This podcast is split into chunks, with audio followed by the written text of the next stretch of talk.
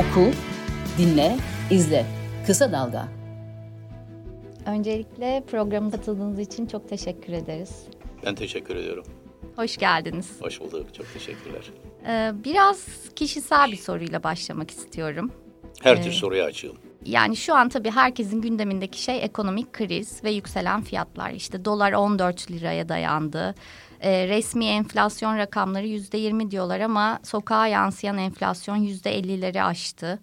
Ben siyasiler bu durumdan nasıl etkileniyor diye merak ediyorum. Çünkü hep halkın sorunlarını ifade edip onlara çözüm arıyorsunuz ama e, öyle bir artış var ki fiyatlarda. Mesela sizin hayatınızı nasıl etkiledi? Hmm. Siz tabii ki hani hali vakti yerinde bir insansınız ama bir şeyin fiyatını görüp mesela çok şaşırdınız mı? Bir lüksünüzden vazgeçtiniz mi?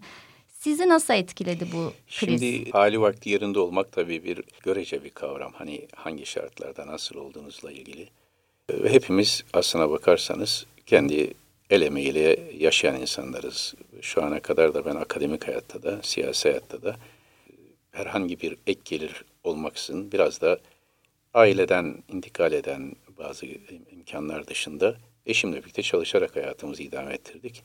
Geçen gün Sara Hanım'la oturuyorduk. Ben genelde tabii imkan bulup ve pazara o kadar sıklıkla çıkamıyorum. Sara Hanım dedi ki bugün marketten bizzat gittim alışveriş yaptım ve bir ay öncesine göre olağanüstü fark olduğu gibi bir hafta öncesine göre de çok fark var. Çok olağanüstü bir istikrarsızlık var. Çok büyük bir fiyat artışları var. Ve bazen de tabii siz, herkesin imkanlar ile sorumluluklar da farklılaşıyor. Sizin belli e, sorumluluklarınız var ki onlar da ek imkanlar şey gerektiriyor. Maddi olarak da herhangi bir belki akademisyen olarak yaşıyor olsaydım şu anda olmayacak olan bazı masraflar da devreye girebiliyor. Bütün bunları değerlendirdiğimizde tabii şu anda sıkıntı çeken o geniş halk kitlelerinin sıkıntılarını çok iyi hem anlıyorum hem de onların sıkıntılarını üstünü örtecek şekilde herkesin durumu zor demek istemiyorum. Şu anda evine ekmek götüremeyen, dar imkanlarla ailesini geçindirmeye çalışan insanların, vatandaşlarımızın, halkımızın yanında e, herhangi bir sıkıntından bahsetmek bana ahlaki gelmiyor. Hepimiz sıkıntılar yaşıyoruz belki ama esas hepimizin düşünmesi gereken öyle bir yüzde beşlik kesim var ki Türkiye'de en düşük gelirle yaşayan yüzde beş. Arkadaşlarımız geçen de yaptığı bir araştırmada ortaya çıkan tablo şu. Yılda beş bin lirayla geçiniyorlar belli. Yılda, ayda değil. Şimdi onları düşünmek zorundayız herkesten önce onları düşünmek, kendimizden önce de onları düşünmek zorundayız. Peki e, bunu düşünürken Erdoğan'ın, Cumhurbaşkanı Erdoğan'ın gündeme getirdiği bu Çin modelini sormak istiyorum size. Ucuz iş gücüne dayanan Çin modelinden bahsetti Cumhurbaşkanı Erdoğan. Bu modelle ilgili ne düşünüyorsunuz? Bu model Türk, Türk halkının eriştiği demokrasi düzeyini bilmemekten kaynaklanan ve Türkiye'nin yaklaşık 200 yıllık modernleşme tecrübesiyle 70 yıllık demokrasi tecrübesini hiç anlamamaktan kaynaklanan bir model arayışı. Ee, her şeyden önce acaba Türk lirası bu kadar değer kaybetmeseydi ve Cumhurbaşkanı'nın tezi doğru olup enflasyon faiz denklemi böyle kurulmuş olmuş olsaydı bu, böyle bir modelden bahsedilmeyecekti. Bu model denizin tükendiği yerde akla gelen birilerinin öne sürdüğü bir safsatadan ibaret. Eğer Türk lirası her gün değer kaybediyorsa ve bunun arkasında hem Merkez Bankası rezervleri dahil olmak üzere rezervleri tüketen bir cahil ekonomi yönetimi hem de yolsuzluklar varsa geldiğiniz tabloda onları örtebilmek için tek şeyiniz kalıyor. Merak etmeyin biz şimdi zorluk çekeceğiz ama 3 sene, 5 sene, 10 sene sonra Çin gibi kalkınacağız. Bu Türkiye'yi tanımamaktır. Ben 1983 yılında ilk kez Pekin'e gittiğimde Sokaklar sadece bisikletlerden e, ibaretti. Çok toplu taşıma gibi birkaç araba dışında yoktu Pekin'de. E, o şartlardan Çin yavaş yavaş ucuz emekle birlikte yavaş yavaş hayat standartını yükselterek aslında yoksulluğu aştı. Aşmaya çalıştı. Yoksulluğa karşı mücadele belli bir mesafe aldı. Ve bir buçuk milyarlık bir ülkeden bahsediyoruz. Türkiye ise daha 83 yılında ben o zaman gittiğimde veya 90'lı yıllarda neredeyse Avrupa standartlarına yakın bir hayat tarzını sağlamış bir ülke olarak sonunda da 12.500 dolara kadar kişi başına düşen milli geliri elde ettikten sonra yoksullaşan bir ülke. Dolayısıyla Çin neredeyse ekmek bulamayacak kadar fakir, yoksul bir halkı yavaş yavaş e, emek gücü olarak kullanıp bir yere getirerek bir yere gitti. Bir noktaya ulaştı. Biz ise neredeyse bu son şeyle söylenenlerle orta sınıfı, daha Özal döneminde orta direk orta sınıfı yok ederek, yoksullaştırarak bu modele gitmeye çalışıyor. Bu mümkün değil. Çin hiçbir demokrasinin olmadığı Mao kültür devriminden kalan otoriter bir yapıyla bunu yürüttü. Türkiye'de böyle bir otoriter yapı kurabilir misiniz? Kursanız bu halk 200 yıldır ilk seçi, e, muhtarlık seçimleri 1800'lerin başlarında yapıldı. O günden bugüne demokrasiye alışmış bir halk böylesine bir fakirleşmeyi kabul edebilir mi? Böylesine bir otoriter rejimi kabul edebilir mi? Çin modeli denilen şey otoriter bir rejimle sürdürülebilecek bir şey. Bu ise Türk halkına hakaret. Biz e, geçmiş dönemlerde görevi de yürüttüğüm, Dışişleri Bakanı olduğum, Başbakan olduğum dönem hep şunu söylerdik. Avrupa ölçeğinde demokrasi, Çin ölçeğinde üretim. Demokrasiyle birlikte üretim.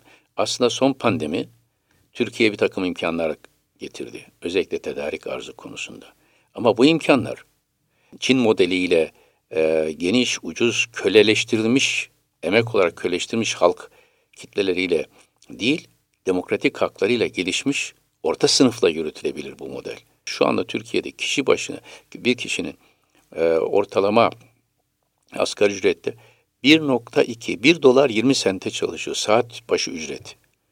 Böyle bir yoksulluk artık dünyanın yoksul ülkeler standardına doğru Türkiye e, e, e, bir gelir dağılımı adaletsizliği yaşarken bundan bahsetmek bir safsatan ibaret. Dediğim gibi işler kötü gidince bir yeni hikaye yazmaya çalışıyorlar ama yanlış bir senaryo ile yanlış bir yerden bir hikaye başlatmaya çalışıyor. Bu tutmaz. Hiçbir şekilde tutmaz. Muhalefet partileri erken seçim çağrısında bulundular. Ee, siz de giderek tırmanan ekonomik krizle ilgili biraz önceki gibi işte cehalet değil ihanet tanımlamasında bulundunuz. Hemen seçim çağrısı yaptınız. Cumhurbaşkanı Erdoğan kesinlikle erken seçim yapılmayacağını söylüyor.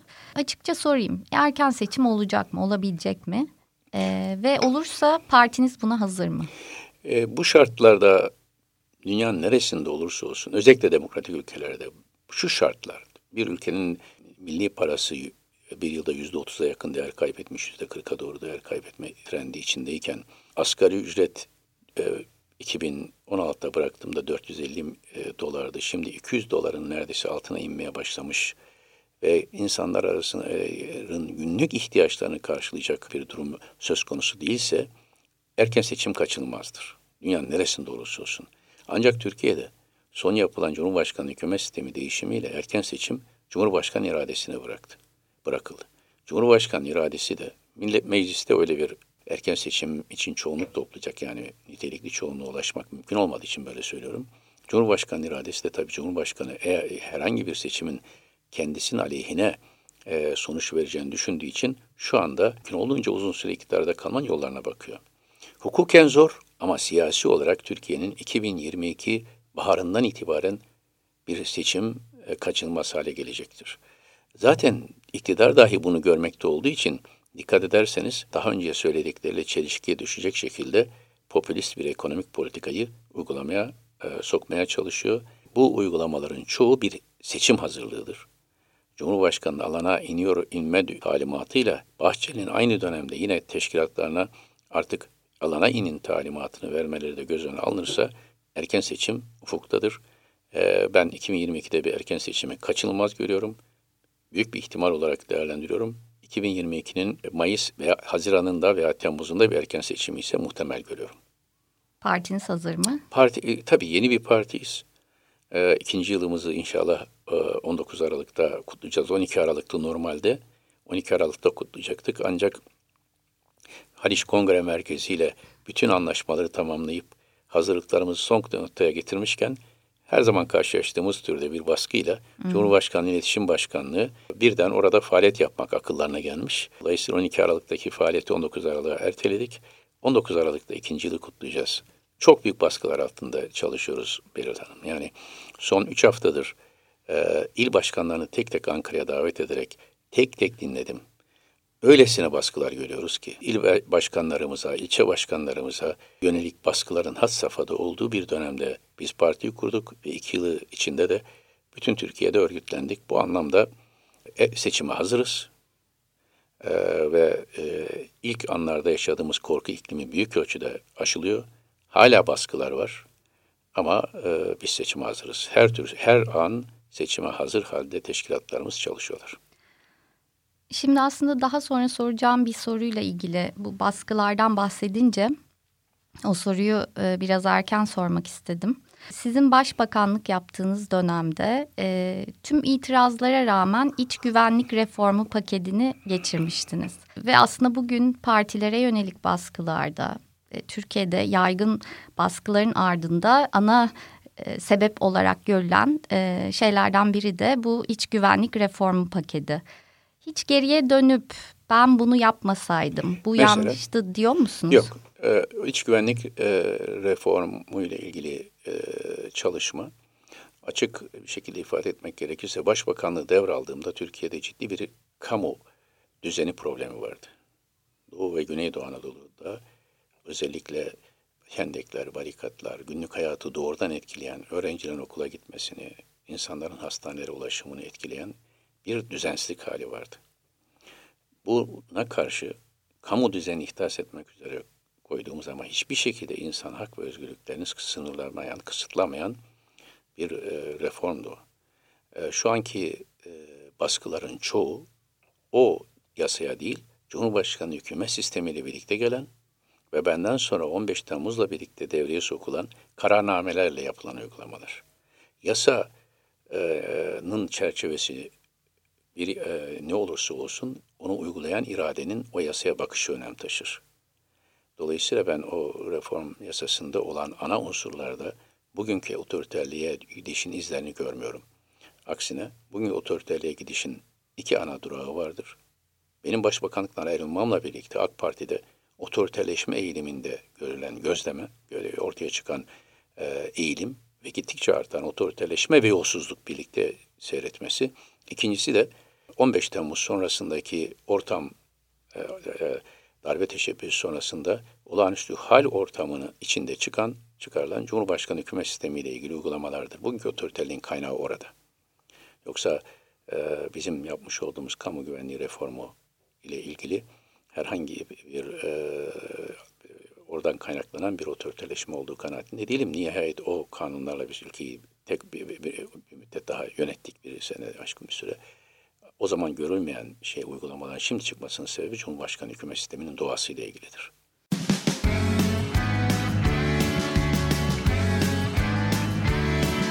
Kulağınız bizde olsun. Kısa Dalga Podcast. Seçimlerden bahsetmişken ben size bir de Sadat'la ilgili bir soru sormak istiyorum. Ee, biliyorsunuz işte Sadat'ın El-Kaide'nin Suriye kolu El Nusra'yı MİT silah gönderdiği iddiaları işte gündeme gelmişti.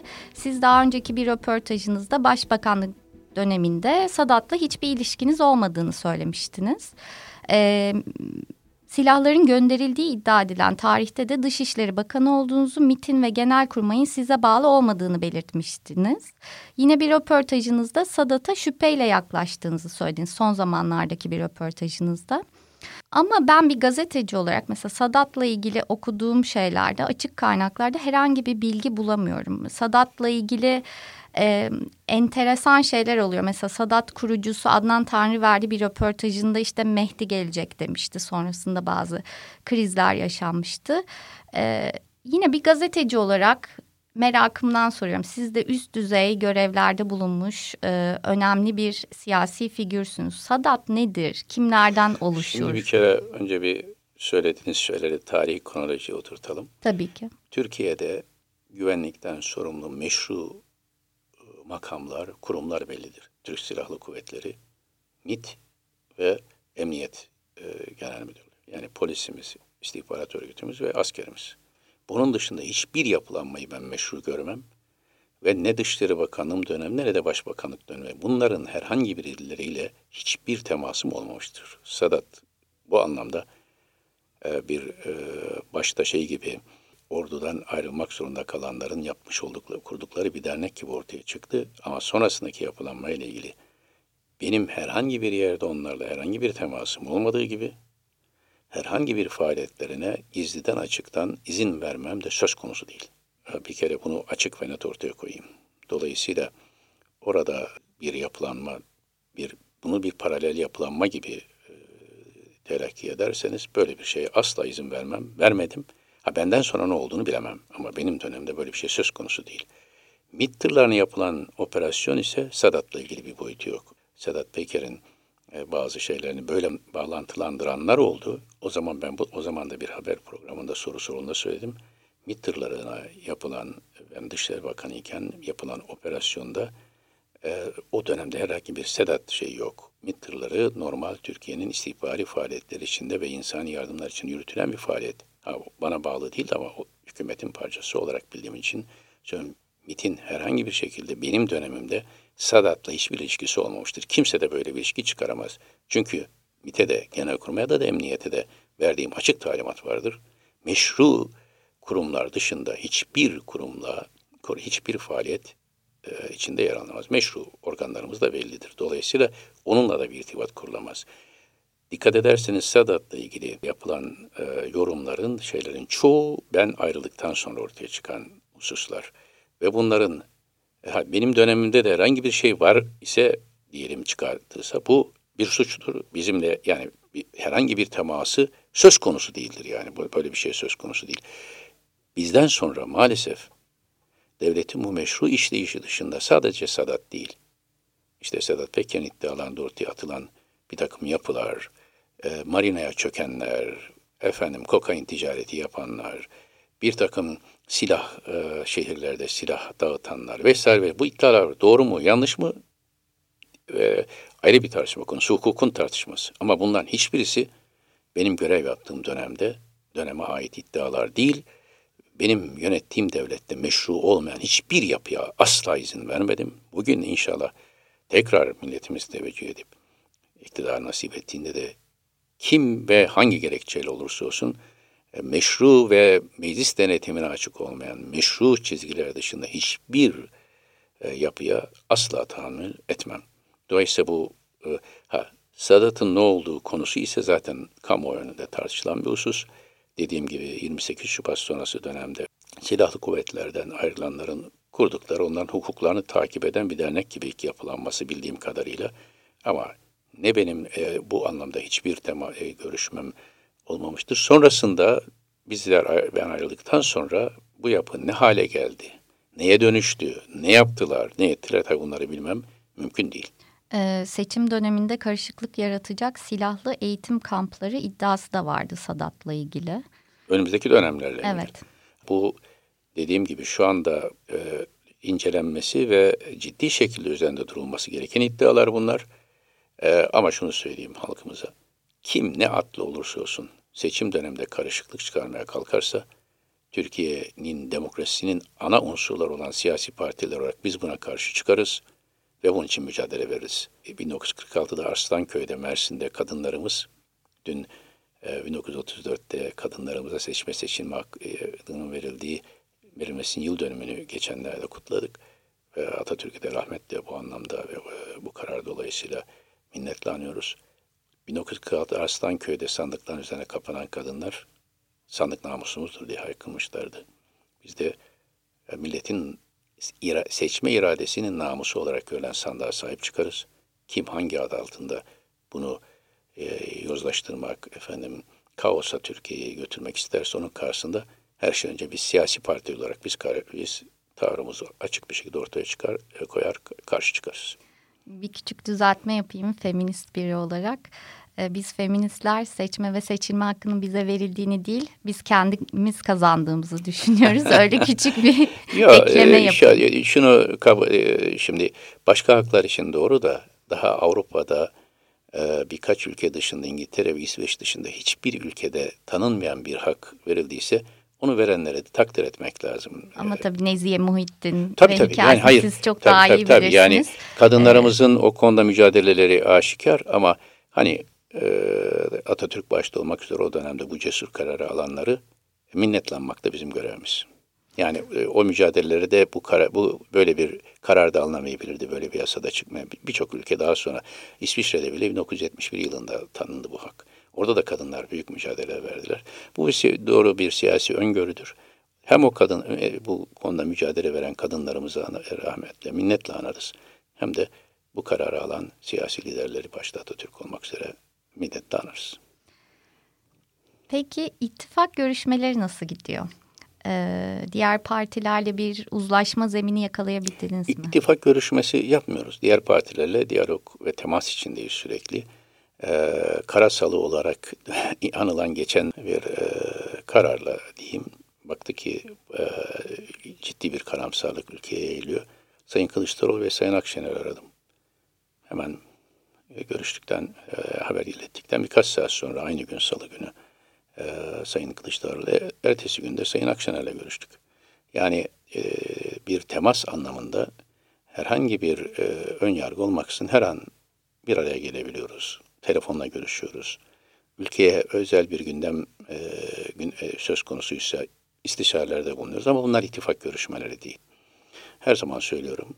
Üç farklı modalitesi, yöntemi var şu anda siyasi partiler arasındaki ilişkilerin. Birisi e, diyalog, yani istişare, görüşme, diyalog. Bu konuda biz her partiyle görüşürüz. Şu anda bize ağır baskılar uygulayan iktidar partilerle dahi görüşürüz. Çünkü Türkiye meselesi söz konusuysa bizimle görüşmek isteyen herkesle görüşülür. Bu anlamda rakipleri biz düşman görmeyiz. İkincisi ise ilkesel işbirliğidir.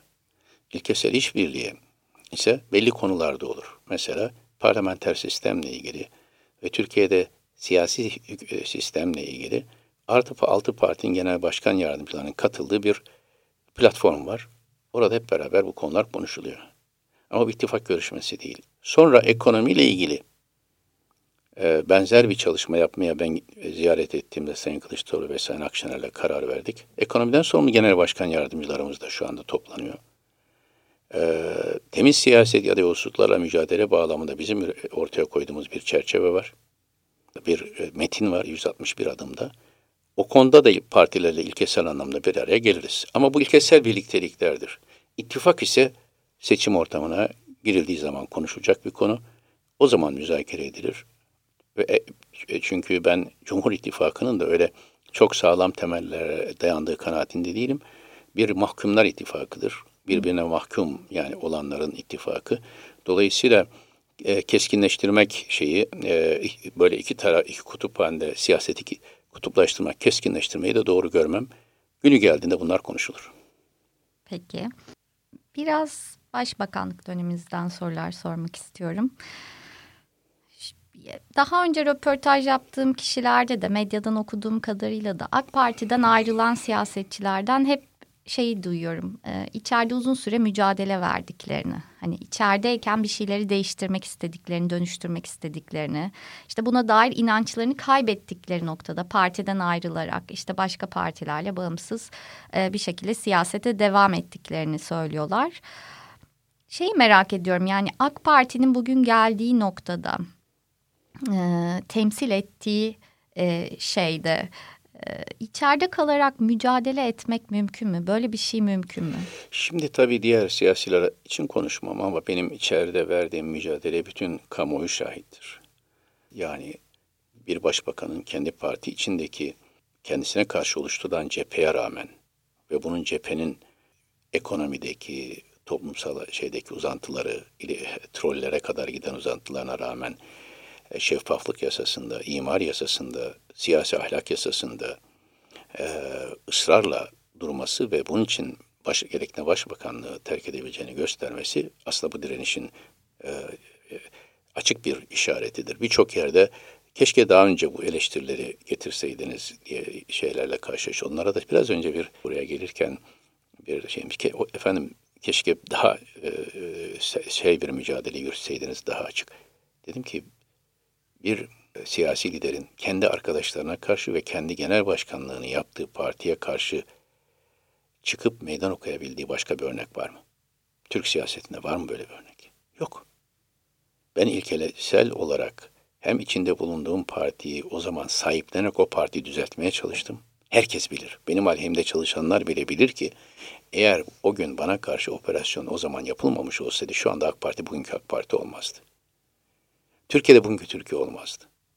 Şeffaflık yasasını çıkarabilseydim, siyasi ahlak yasasını çıkarabilseydim, imar yasasını çıkarabilseydim, ihale yasasında düzeltmeleri yapabilseydim, rekabet kurulu dahil olmak üzere bütün kurulları yeniden yapılandırabilseydim, Türkiye bugünkü Türkiye olur muydu?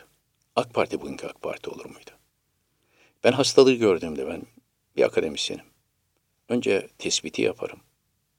Resmi çekerim realist bir şekilde. Sonra neşteri atmakta tereddüt etmem. Neşter atmaya başladığımda o neşter birilerini acıttı. Birileri baktı ki benim gelişimle birlikte kurdukları çark, yolsuzluk çarkları yürümeyecek. Kime rahatsızlık verdiniz? Şu anda AK Parti içinde yolsuzluklar anılan kimler varsa hepsine.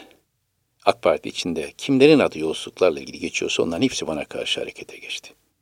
Ve şunu söyleyeyim, yanımda da çok destek bulamadım. Keşke o içeride mücadele e, etmek e, şeyini o gün gösterenler yani öyle olması gerektiğini şimdi söyleyenler o gün yanımda gür sesle durabilselerdi. Durmadılar. Size Çetin hayal bir mücadele. kırıklığına uğratan çok, yakınınızda insanlar çok, oldu mu? Çok ama o hayal kırıklıklarına bakmam ben. E, realistimdir. Olan olmuştur, yaşanmıştır. Dönüp de o hayal kırıklıkları üzerine bir bir e, şey bir psikolojik bir e, tavırla davranmam. Onlar yaşandı, bitti. Ama şunun bilinmesi lazım. Hakkaniyet adına ben o mücadeleyi en karalı şekilde verdim. Başbakanlığı bıraktım. Üç yıl AK Parti milletvekili, daha sonra da AK Parti üyesi olarak yine Cumhurbaşkanı başta olmak üzere ilgili olan herkesi çağırdım, konuştum. Sadece müsteşarlıkların kaldırılmaması için o zamanki ilgili bakanlar aradım. Bunların bir faydası oldu mu? Olmadı. Olmadı. Maalesef olmadı. Keşke olabilseydi. Olsaydı zaten ben ayrı bir parti kurmazdım. Yani kolay değil. Beril Hanım. Yani bu bir illüzyon aslında. Tabii, İçeriden bir dönüşüm tabii, yapmak tabii. bir illüzyon. Şimdi öyle bir illüzyon değil. Şöyle bir şey. Etik bir konu. Ben başında bulduğum partinin içinde o partiyi düzeltme imkanı varken ayrı bir yola çıkamazdım. Bu benim ahlak ilkelerime ay- aykırı. İçeride mücadele ettim. Üç aşaması var aslında bunun. Birisi başbakan olunca bütün resmi görünce reform etmek gerektiğini, reforma tabi tutmak gerektiğini e, gördüm. Ee, ve başbakan olarak işleri düzeltmeye çalıştım. Ee, yani yolsuzluklara karşı mücadele, ekonomik reformlar, kamu güvenliği reformu vesaire. Bütün bunları yapmaya çalıştım. Engellendiğim zaman ülke e, krize girmesin, genel başkanlığın yaptığım bir parti bölünmesin, zaaf göstermesin diye ayrıldım. Bu ikinci aşama. Orada da hiç üzerimde hiçbir sorumluluk olmamasına rağmen defalarca Cumhurbaşkanı'na beş kez gittim ve ayrı ayrı raporlar verdim. Yanlış gidiyor işler, yapmayın. Biz yasaklarla mücadeleyle geldik. Antidemokratik bir tutum içine girmeyin. Bırakın insanlar rahat olsun. Kutuplaştırmayın, germeyin. Efendim, e, e, yok yolsuzluklar çok yayıldı. Yapmayın, hukuku egemen kılalım vesaire. Ekonomi kötü gidiyor. Bu ikinci aşama. Ne vakte kadar? 2016 Mayıs'ından 2019 Nisan'ına kadar 3 yıl. 2019 Nisan'da baktım ki içeride artık yapılabilecek hiçbir şey yok. Söylenecek her şeyi söylemişim. Bunu size 2019 e... Nisan'ında hani süreci önce tamamlamak için müsaade ederseniz 22 Nisan'da bu sefer kamuoyuna açıkladım. Parti kötü gidiyor, Türkiye kötü gidiyor diye 16 sayfalık bir metin açıkladım kamuoyuna. Ve Cumhurbaşkanı'na daha önce verdiğim raporları özet bir metin. Ondan sonra üçüncü aşama başladı. O da 13 Eylül e, 2019'da bitti. Partiden ihraç edildim.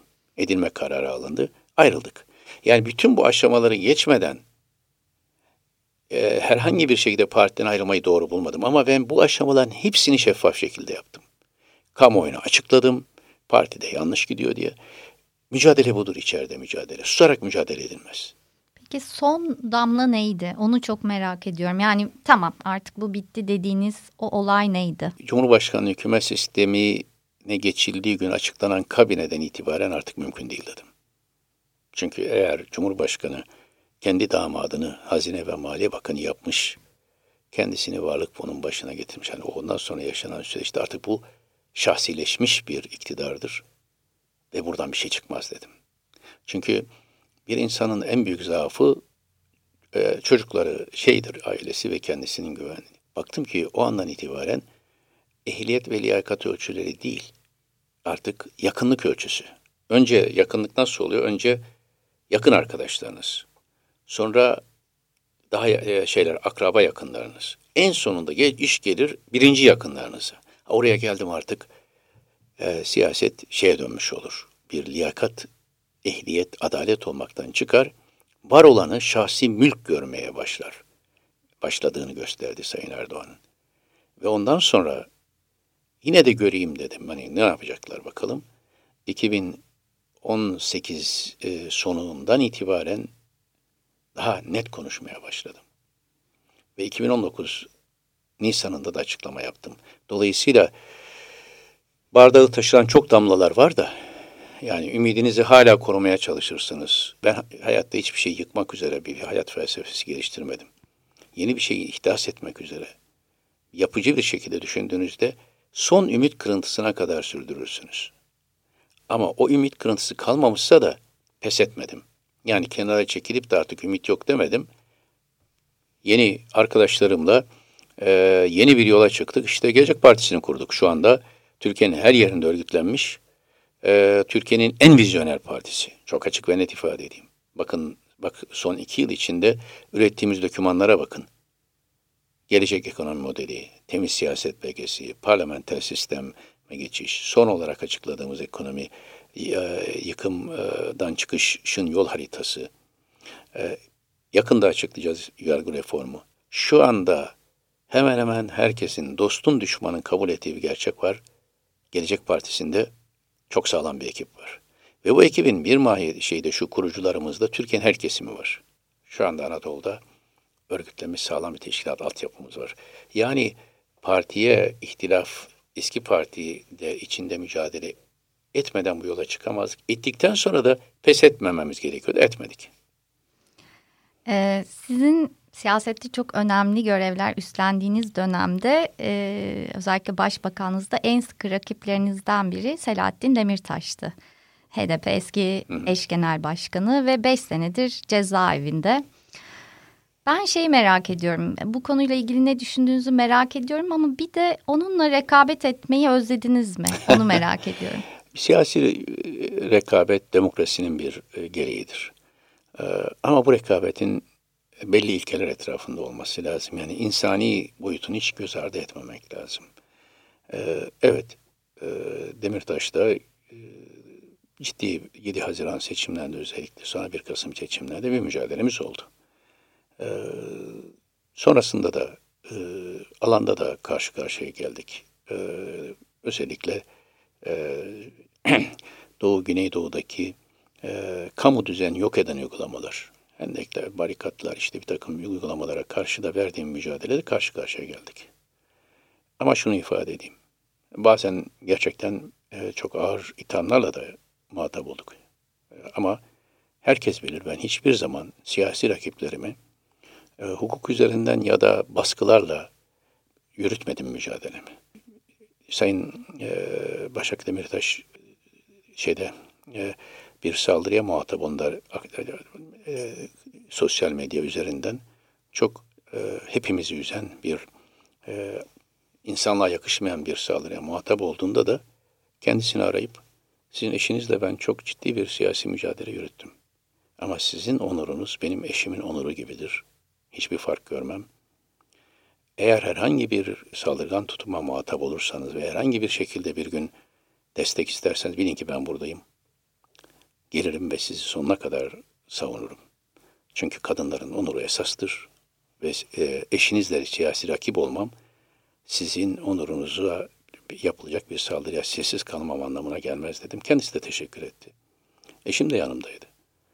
Şimdi siyasi mücadele yürütürken insan onuruna yakışır şekilde yürütmek lazım. Ee,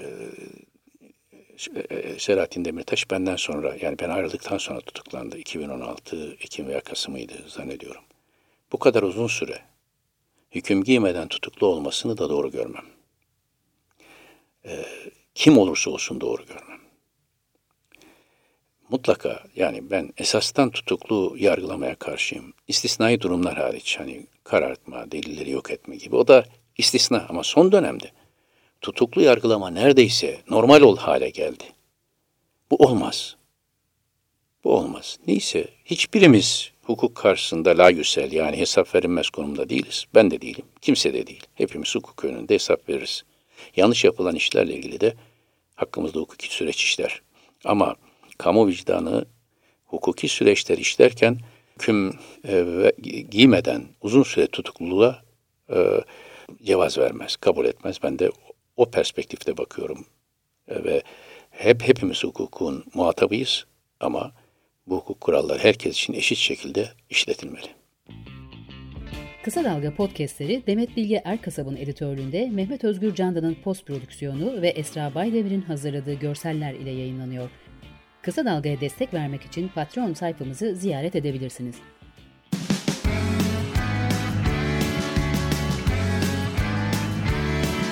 Kulağınız bizde olsun. Kısa Dalga Podcast.